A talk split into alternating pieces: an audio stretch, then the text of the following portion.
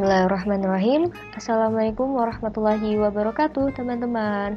Jadi balik lagi bersama kami Medin FKG UGM di Islamic Podcast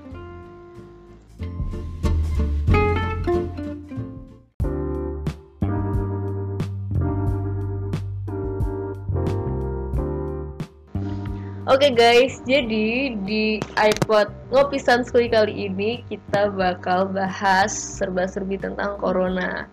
Nah, di sini aku nggak sendirian, aku bakal ditemenin sama Umi. Iya, Umi banget. ini dari dari mana, Mi? Eh, dari JMG. JMG itu apa, Mi? JMG itu Jamaah Muslim Geografi. Jadi kita tetanggaan gitu, guys. Iya, kita masih ada di blok yang sama. Iya. Iya, bener bener bener. Oke, jadi lanjut ya. Eh, Sebenarnya Oke. Tadi yang akan kita bahas di sini adalah tentang corona, tentang COVID-19. Nah, itu tuh apa sih?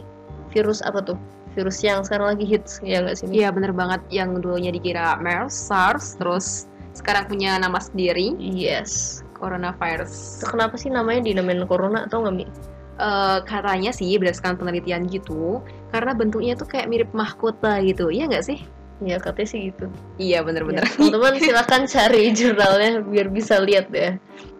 Oh ya sebelumnya karena tentang corona penularannya, panic buying, social distancing, tips and tricksnya juga sebenarnya udah dibahas gitu sama teman-teman dari BEM, KM, FKG, UGM.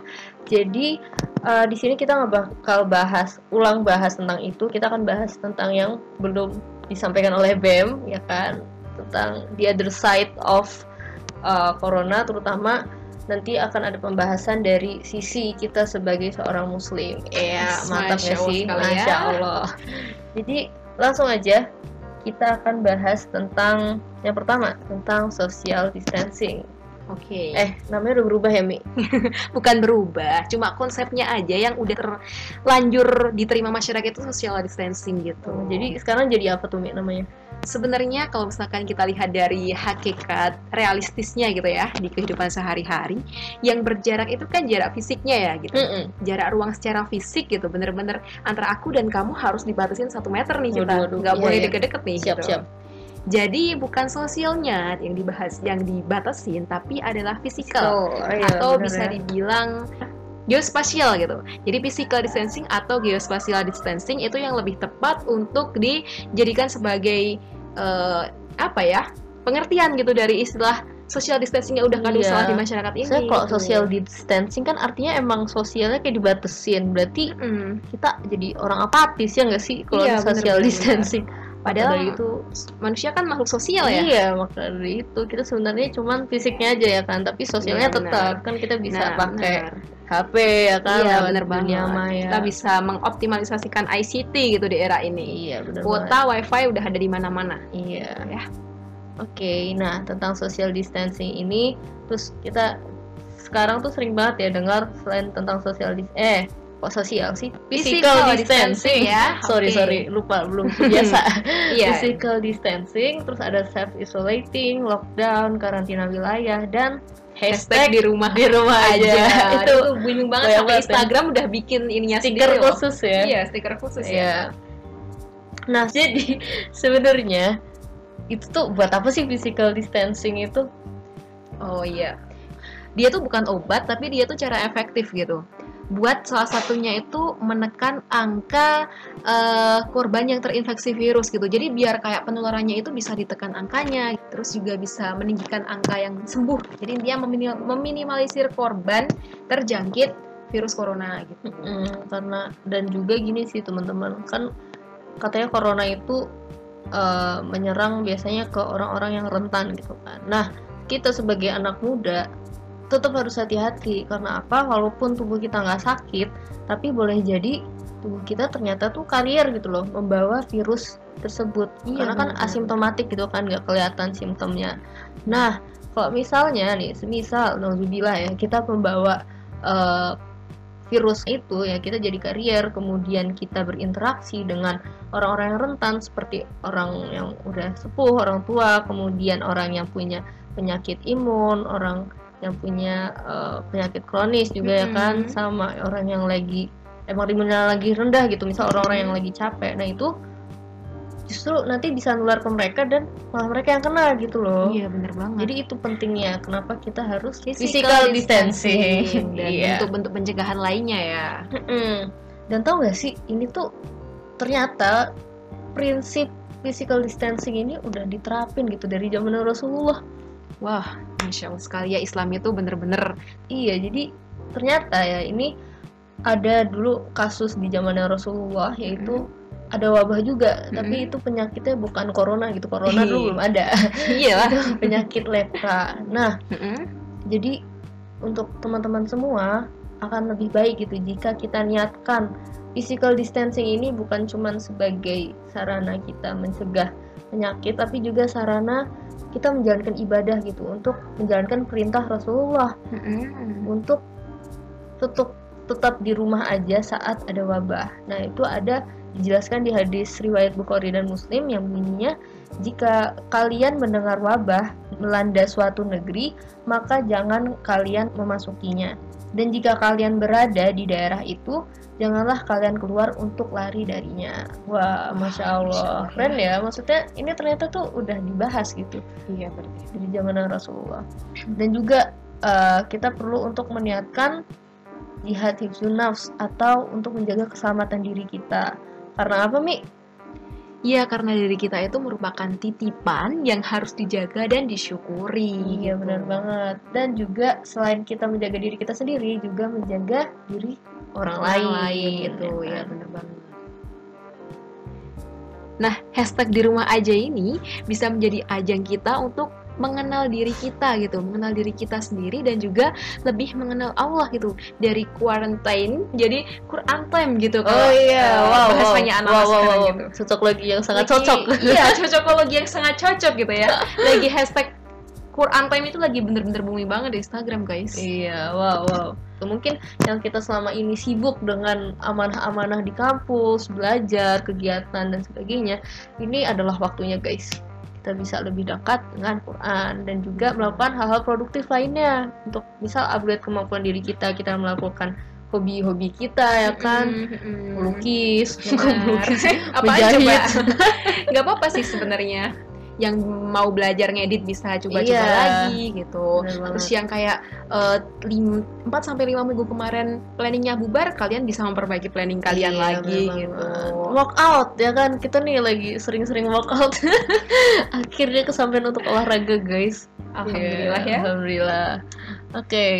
Terus selanjutnya akan kita bahas di sini adalah tentang call center. Sering kan ya kita banyak postingan masuk ke kita call center call Iya, center. hubungin ini hubungin ini gitu ya Hmm. Sebenarnya itu buat apa sih? Tahu nggak Mi? Eh, kalau setauku ya setauku tuh karena ini kali jumlah penduduk Indonesia itu kan gede banget ya Mm-mm. tertinggi kedua di dunia kalau nggak Mm-mm. salah. nah itu tuh eh, yang terjangkit itu semakin hari semakin banyak gitu yang Mm-mm. terjangkit corona, terus kemudian yang merasa bahwa dirinya terjangkit juga semakin banyak gitu Iya. ya. Kayak dia belum tahu sebenarnya Iya. terjangkit apa enggak, tapi kayak merasa aduh kayaknya kok aku corona, aku Iya, corona iya. gitu. Heeh. Terus akibatnya rumah sakit tuh jadi penuh, ya bener nggak sih? Iya, sekarang gimana Mm-mm. penuh kan? rumah sakit penuh padahal tenaga medis juga terbatas gitu ya Iya. tenaga medisnya terbatas dan kalau misalkan eh, itu dibiarin kayak gitu orang-orang yang merasa tadi terjangkit corona juga datang ke rumah sakit yang terjadi malah rumah sakit itu membludak gitu dan orang-orang yang tadi cuma merasa kayaknya corona itu kalau datang ke rumah sakit dan justru terpapar sama orang yang positif corona malah bahaya kan ya Mi? iya bener banget Heeh. jadi malah bisa menambah angka positif coronanya dong kalau misalkan semuanya malah nanti lari ke rumah sakit secara langsung gitu Mm-mm. Nah, jadi call center ini teman-teman sebenarnya ya benar yang dibilang sama Umi. Jadi call center itu fungsinya adalah ketika kita memiliki suatu gejala, kita ngerasa, aduh kayaknya ini kok kayak corona atau bukan ya, kita ragu dan sebagainya, telepon call center gitu. Nah, dengan telepon call center itu kita bakal ditanya-tanya tuh, kita ada ngerasa apa, habis dari mana dan sebagainya. Nanti uh, berdasarkan apa yang sudah kita anamnesis yang kita sampaikan, waduh anamnesis apa yang sudah kita sampaikan itu nanti sama orang dari pihak call centernya dia akan menentukan gitu loh. Sebenarnya kita perlu nggak sih ke rumah sakit gitu. Mm-mm. Kalau misalnya misal gejala kita sebenarnya masih ringan-ringan aja gitu, tapi kita nyari yang panikan terus ngerasain gitu udah parah banget. Nah, kalau gejalanya ringan jadi kan uh, untuk mengatasinya kita cukup isolasi uh, tuh apa badan kita di rumah aja dengan kita juga uh, menunjang asupan-asupan kita yang bergizi Iya, gitu kan sebenarnya. Nah, jadi fungsinya call center itu sebenarnya untuk sebenarnya kita tuh urgent gak sih ke rumah sakit? Iya benar. gitu sih itu for your information aja ya kan? Mungkin Ya, banyak jadi- yang belum tahu ngiranya call center apaan sih call center gitu. Kayak nggak perlu gitu pengennya langsung ke rumah sakit. Jadi padahal mumpung ada ini bisa dimanfaatkan ya. iya manfaatin sebaik-baiknya. Nah terus selanjutnya Next. kita akan bahas tentang panic buying APD alat pelindung diri. Tahu nggak sih Mi? Sering lihat gak postingan di Instagram itu orang-orang yang apa ya? Dia ke pasar aja pakai handscoon. Parah banget ya. Aduh apaan sih? ya Allah. Ngantri di swalayan juga. Lagi Iya. ngantri dia pakai kayak gitu coba bawa apa nih ya? Padahal, anjing padahal dia juga megang-megang yang lain kan kotor juga ya. Iya, makanya. apa coba? Sama itu juga makan. Aku kemarin ada yang cerita katanya ada orang di restoran makan pakai handscoon emang Oh, iya? pahit. handscoon kan latex gitu Eh. loh bahannya. Iya ya. Pokoknya aneh-aneh loh. Tapi itu over banget gak sih? masyarakat plus 62 ini. kita Iya. juga loh, kita masyarakat capuk 62 juga Iya. ya. Gimana? Tapi kita nggak kayak gitu guys. Kita harus lebih cerdas ya kan. Sobat Jadi- cerdas.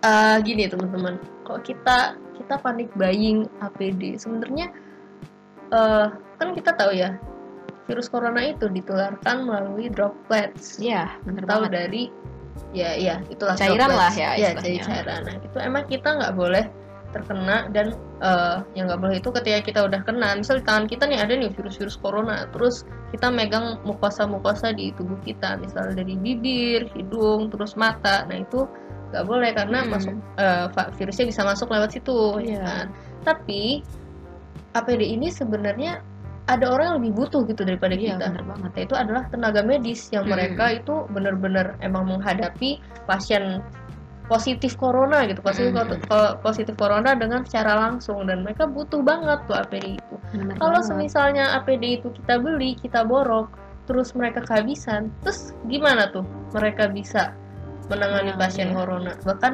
ini ya kemarin ada berita katanya orang dari ID kalau nggak salah ya dari Hmm. Ikatan Dokter Indonesia itu mereka membuat pernyataan gitu apabila uh, APD kebutuhan APD mereka tidak dipenuhi Mm-mm. maka mereka bakal bakal berhenti Berhenti. Ah, ah, berhenti untuk bekerja dulu gitu Waduh, Se- gawat selama APD itu nggak ada nah kalau misalnya emang kayak gitu gitu APD-nya ya. gini gini misal APD nggak ada Heeh. terus mereka nggak kerja gitu maksudnya tenaga medis nggak ada yang bisa kerja Mm-mm. terus itu pasien COVID-19 itu gimana gitu loh pasien corona mau diapain gitu Bisa didiamin doang ya. Iya, siapa yang mau nanganin gitu.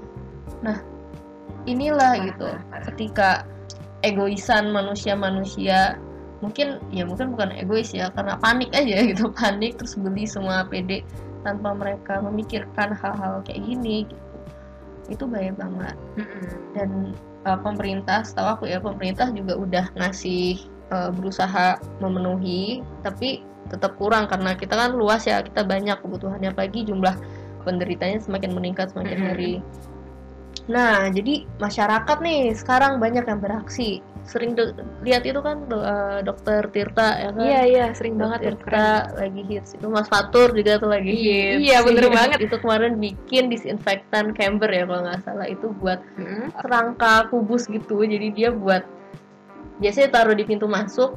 Jadi buat disinfektanin orang yang mau masuk ke suatu tempat gitu oh loh, gitu ya, bisa nyemprotin sendiri gitu ya. Iya kayak gitu. Keren banget gak sih? Ya keren banget masya Iya, Allah. keren. jadi ada juga yang mereka memproduksi sendiri APD gitu loh Stephen Indrawibowo itu Mm-mm. eh, ketua Mall Center Indonesia itu beliau produksi itu baju apa hazmat itu loh yang Mm-mm. buat Pelindung eh, ya, istilahnya. pelindung para tenaga medis Mm-mm. itu sampai apa ya targetnya sampai 36.000 ribu Wow, masya Allah. iya mulia 36.000 sekali. ribu dan itu beliau bagikan secara gratis buat tenaga, medis. yang butuh iya jelas lah ngapain kita dikasih gitu dan asal uh, kita juga harus tahu gitu bahwasannya hazmat itu kenapa sangat dibutuhkan karena eh, apa ya dia kan kayak sekali pakai gitu kan Iya bener dan bener. sekali makainya tuh bener-bener ubet-ubet banget Iya, nggak ya? cuma sekali doang langsung. iya tapi berlapis-lapis dan itu butuh pengorbanan banget dari bener tenaga banget. medis itu Hmm, maka dari itu teman-teman tolong banget gitu ya kita eh, support tenaga medis kita dengan itu tadi nggak panik buying APD terus Iya, juga benar. bisa banget dari tadi orang-orang yang udah memproduksi itu kita dukung juga dengan Mm-mm.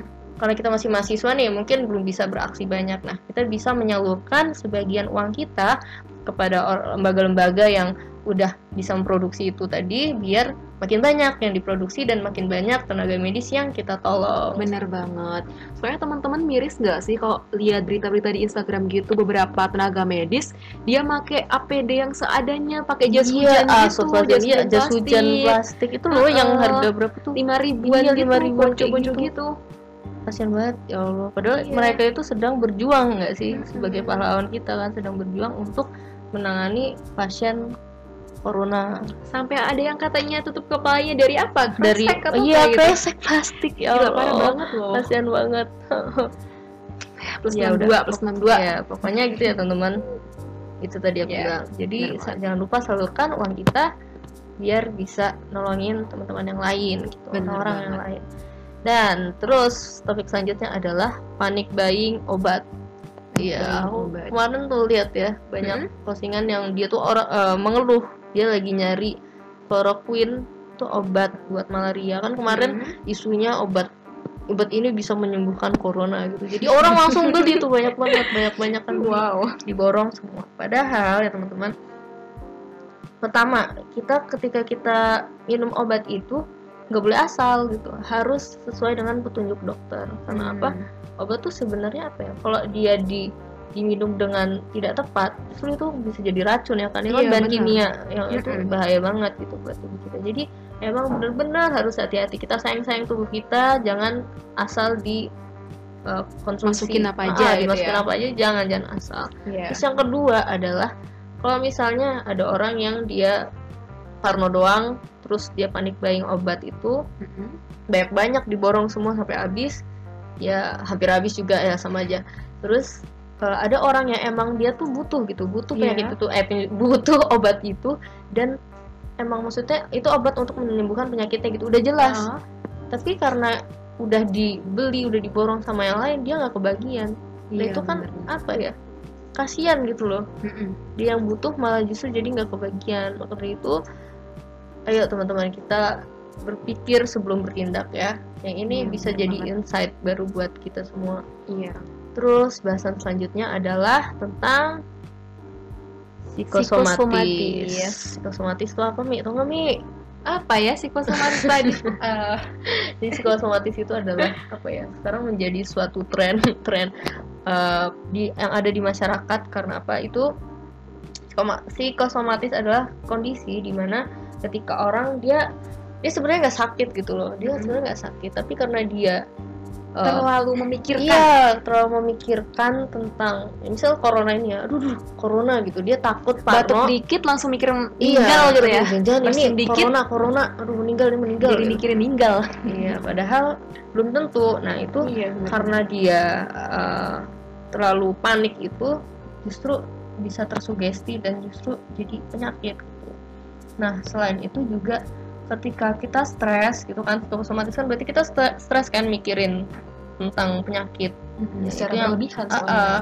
Nah itu tuh ada hormon dalam tubuh kita itu hormon kortisol yang itu adalah hormon stres. Ketika dia berlebihan diproduksi di tubuh kita, Mm-mm. maka itu dapat menyebab- menyebabkan turunnya imun di tubuh kita. tuh bahaya banget Nah, guys. ketika imun kita turun, padahal yang namanya virus corona gitu kan menyerang yang yang bisa menghalau virus corona dalam tubuh kita kan berarti imun kita kan Imun kita, sistem imun benar. kita yang harus Hmm. kuat.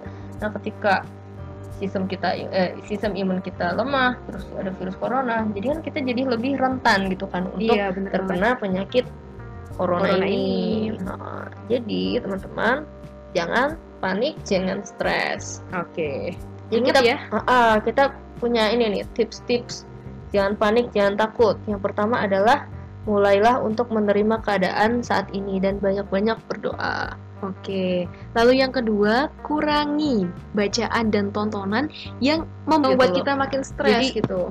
eh, kalau misalnya sekiranya teman-teman parno banget gitu takut udah nggak usah tahu tentang update-update eh, jumlah penderita Positif corona ah, positif gitu. corona mending dihindari mending Iya, teman-teman fokus untuk sibukkan diri dengan menjalankan hobi gitu bisa yaitu tadi jahit Oke, melukis benar-benar. Untuk berita tadi sebenarnya nggak apa-apa nyari, cuma jangan sampai over Mm-mm. gitu dan cari sumber yang aktual, Aktual. gitu, yang benar gitu ya. ya terus juga tetap eh, terhubung dengan keluarga kita gitu nah dengan keluarga itu kita biasanya akan merasa lebih aman lebih nyaman gitu tentram Nah itu jangan lupa hubungi walaupun jauh kita punya HP manfaatkanlah eh, telepon kita itu untuk ber- Berkomunikasi, Mm, ya. berkomunikasi sama keluarga kita. Bener banget. Oke, terus lanjut.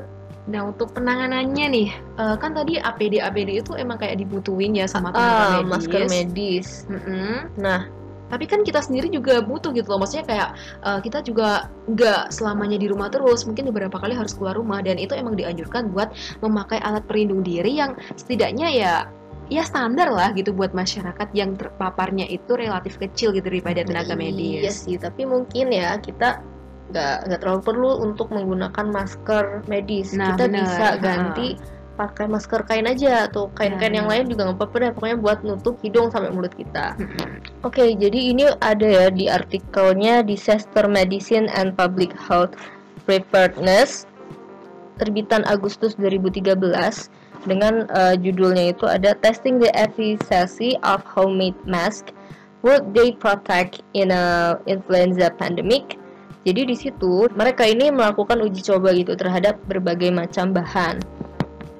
Tentunya di antara bahan tersebut yang paling bisa menahan dari mikroba itu ya surgical mask ya, apa me- eh, masker medis.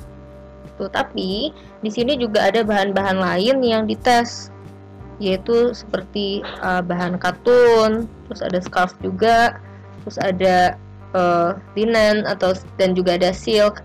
Nah, itu mereka juga punya potensi gitu untuk eh, menahan setidaknya dari droplet gitu kan yang bahaya dari corona ini droplet ya Iya, penyebarannya melalui droplet. Nah itu setidaknya dia itu sebenarnya bisa menghalau gitu teman-teman walaupun memang tidak sebaik uh, masker medis tapi Iya.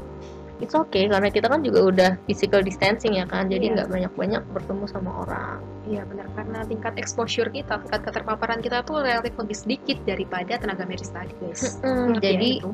uh, sebenarnya prinsipnya adalah lebih baik kita maka make yang ada daripada nggak sama sekali iya. dan karena kita kan juga memprioritaskan masker medis itu untuk tenaga medis ya kan Iya, jangan kita habisin Tapi ya kalau dari aku pribadi Mhm. eh, itu bukan jadi suatu yang pakem banget karena juga dilihat dulu dalam penggunaan teman-teman. Jadi kalau misalkan Hmm. penggunaan teman-teman itu mau ke rumah sakit nih, eh, mungkin bisa mungkin bisa ada beberapa stok untuk masker medis ini. Tapi kalau misalkan cuma mau keluar sebentar beli Mhm. cabe, beli apa kayak gitu di tetangga sebelah gitu ya, udah pakai masker kain biasa boros-boros, aja, ya. heeh, gitu. yang biasa aja jadi juga disesuaikan Iya benar. yang penting intinya kita tetap memprioritaskan masker medis itu untuk tenaga medis Mm-mm. kalau mau pakai kita ya se kalau bener-bener urgent gitu ya. kalau benar-benar urgent aja terus selanjutnya kita akan bahas nih nah karena adanya corona ini akhirnya banyak fikih eh, fikih-fikih baru yang dikeluarkan oleh eh, ulama gitu istiadat ulama ataupun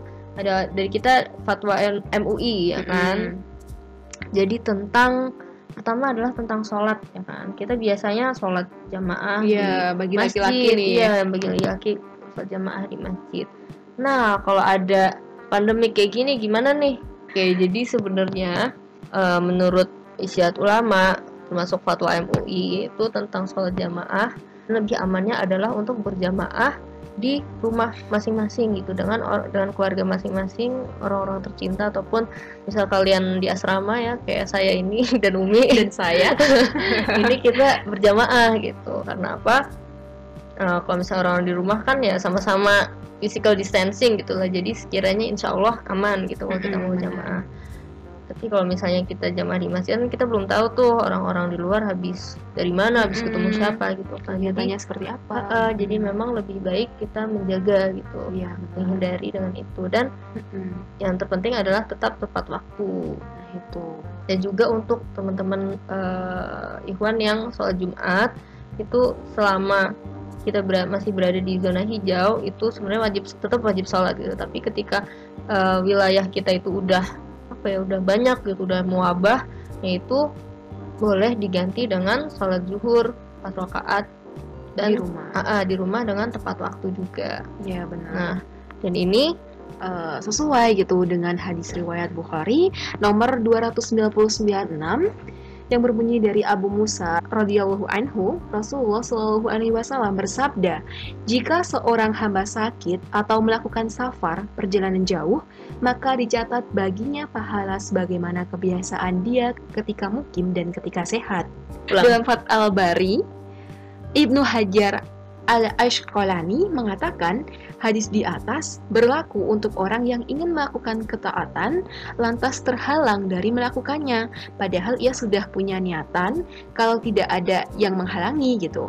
Amalan tersebut akan dijadikan atau atau, atau akan dijaga menjadi rutin Nah, gitu teman-teman. Jadi teman-teman yang emang udah rutin biasa melakukan sholat jamaah di masjid itu nggak usah khawatir gitu, nggak usah khawatir. Aduh, aku jadi sholat jamaah nih di rumah gitu. Apalagi yang jomblo gitu kan sendirian, aku sendirian gitu.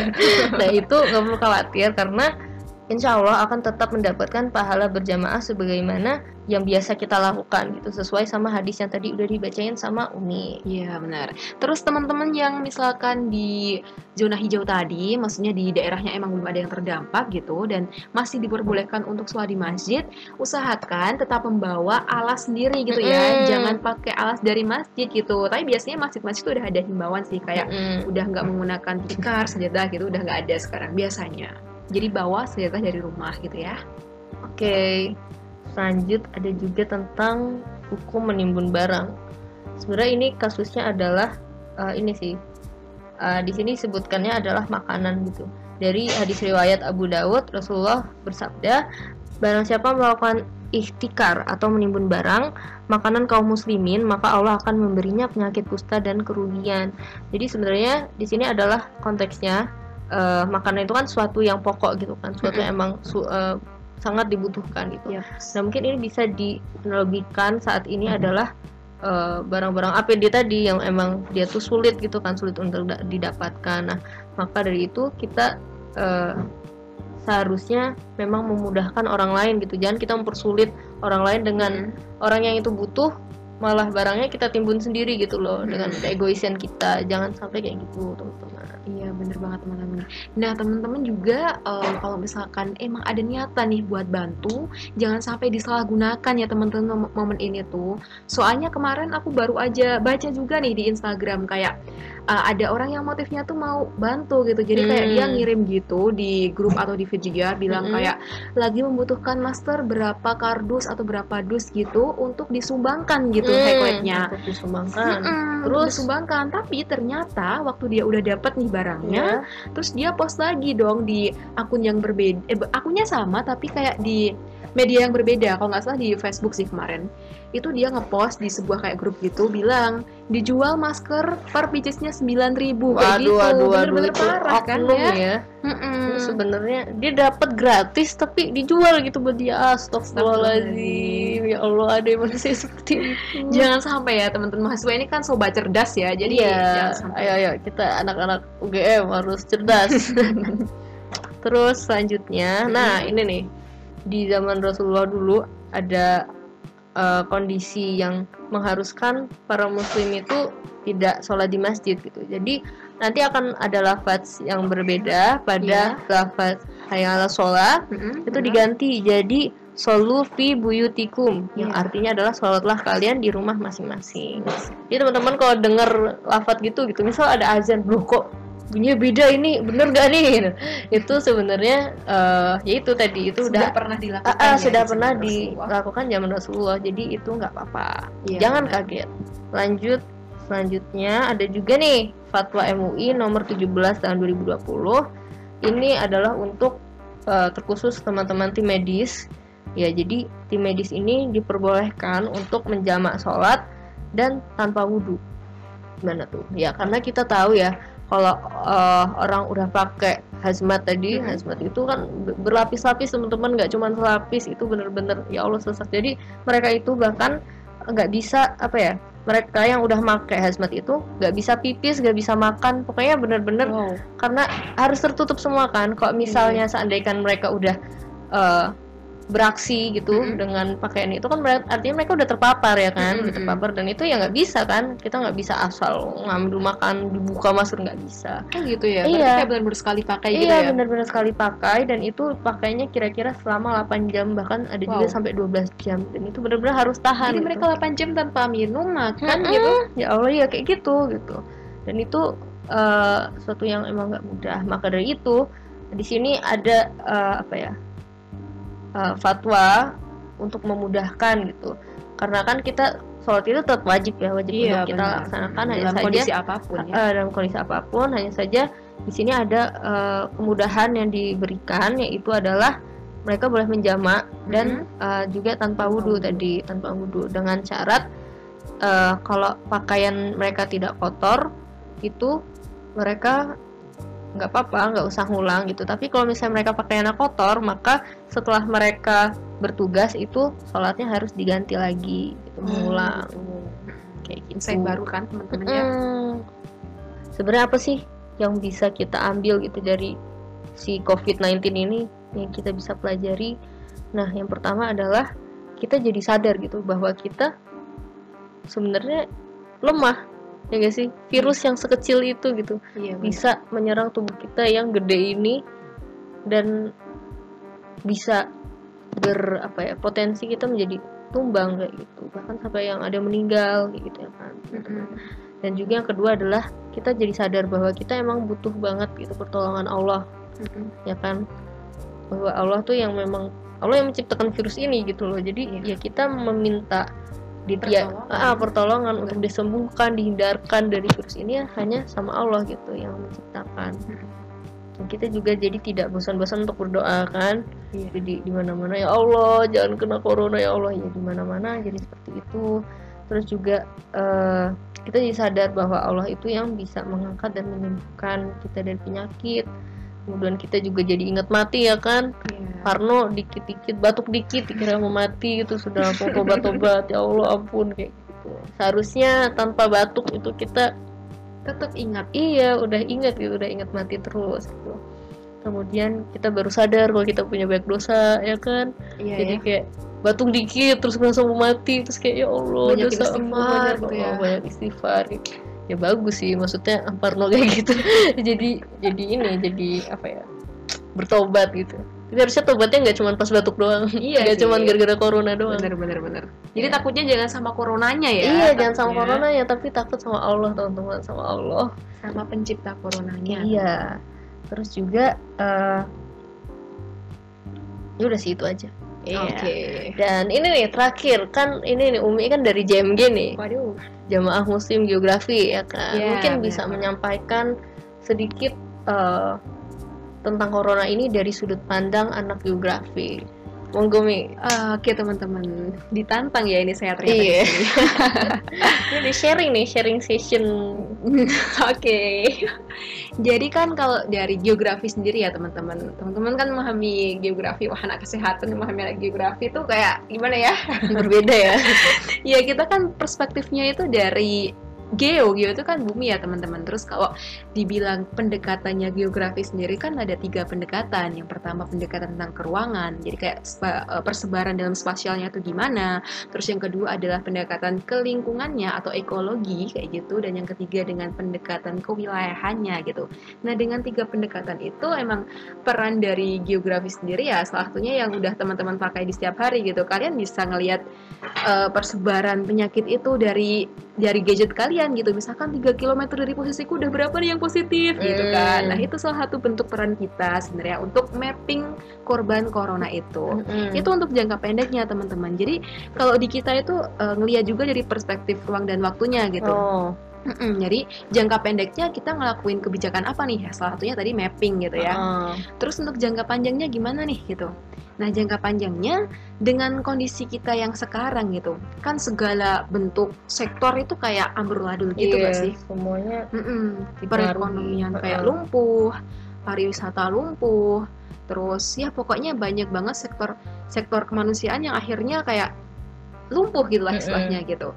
Nah dari situ kita bisa melakukan analisis dini, analisis kewilayahan dini yang nantinya bisa disusun untuk kayak strategi ke depan gitu, strategi wilayah ke depan untuk perencanaan wilayah pasca pandemi corona ini gitu teman-teman. Hmm, Jadi untuk tuh pemulihan berarti? gitu. Oh, untuk pemulihannya Mm-mm. gitu ya. Jadi gimana caranya DIY yang eh, kemarin itu kan sepi ya sempat beredar banget eh, video yang daerah Malioboro tuh sepi semuanya Hmm. tutup kayak gitu. Nah otomatis kan modal-modal para penjual di situ juga kayak bakal antara berkurang karena untuk mencukupi kebutuhan sehari harinya dia dan akhirnya kayak mungkin modalnya berkurang atau gimana gitu. Nah untuk pulih itu kita butuh strategi-strategi ke depannya teman-teman kayak misalkan mungkin nanti pemerintah bakal ngadain sosialisasi lagi ke masyarakat atau Hmm. mungkin dana bantuan nah, apa namanya intensif gitu intensif Hmm. dana bantuan kayak gitu pokoknya bakal ada pemulihan yang sifatnya nanti jangka panjang gitu teman-teman itu sih Hmm, Wow, keren ya berarti ya. Dia lebih ke apa ya? Ke masyarakatannya gitu kan. iya benar dan wilayahnya Iya, kewilayahannya kayak gitu. Wow, wow, wow, masya Allah. Jadi emang corona ini ini ya berpengaruh pada segala sektor gitu. Jadi Iya, bisa dibahas dari berbagai sektor gitu.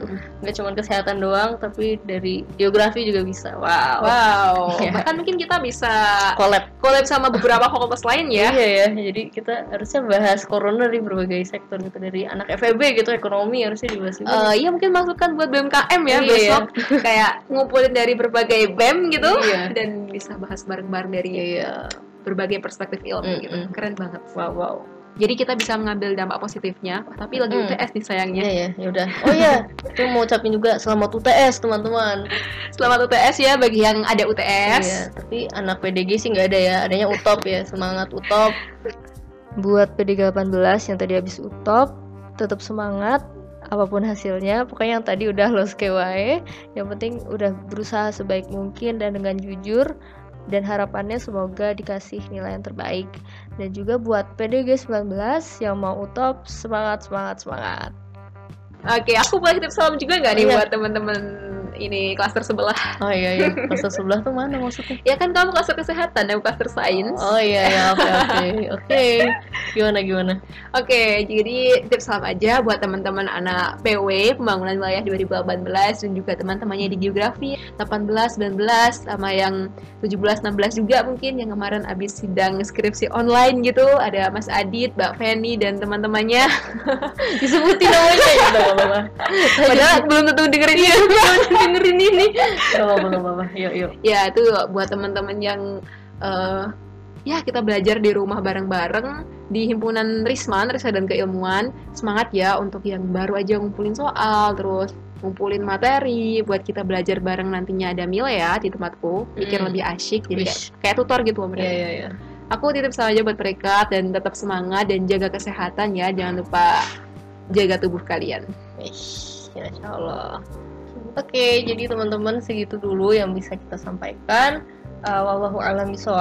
Ya, teman-teman uh, dari segala apa yang kita sampaikan tadi, jika ada salahnya mohon maaf. Teman-teman boleh banget nyari lagi gitu referensi. Kalau belum yakin dengan apa yang kita sampaikan, boleh banget nyari referensi yang lebih uh, ak- aktual, aktual lagi aktual dan juga eh, oh ya untuk info-info yang mungkin belum ada di podcast ini tadi bisa banget teman-teman simak di IG atau di OA-nya BEM FKG UGM di situ udah ada juga banyak hal. Dan juga ada podcastnya juga kan BEM? Nah itu dengerin juga. Oke. Eh, sekian dari saya. Oh ya aku belum memper- memperkenalkan diri ya. Saya Anissa Oge Oge dan Umi. Ya Umi dari JMG 2015 Mm-mm. Oke. Terima kasih atas perhatiannya. Wassalamualaikum warahmatullahi wabarakatuh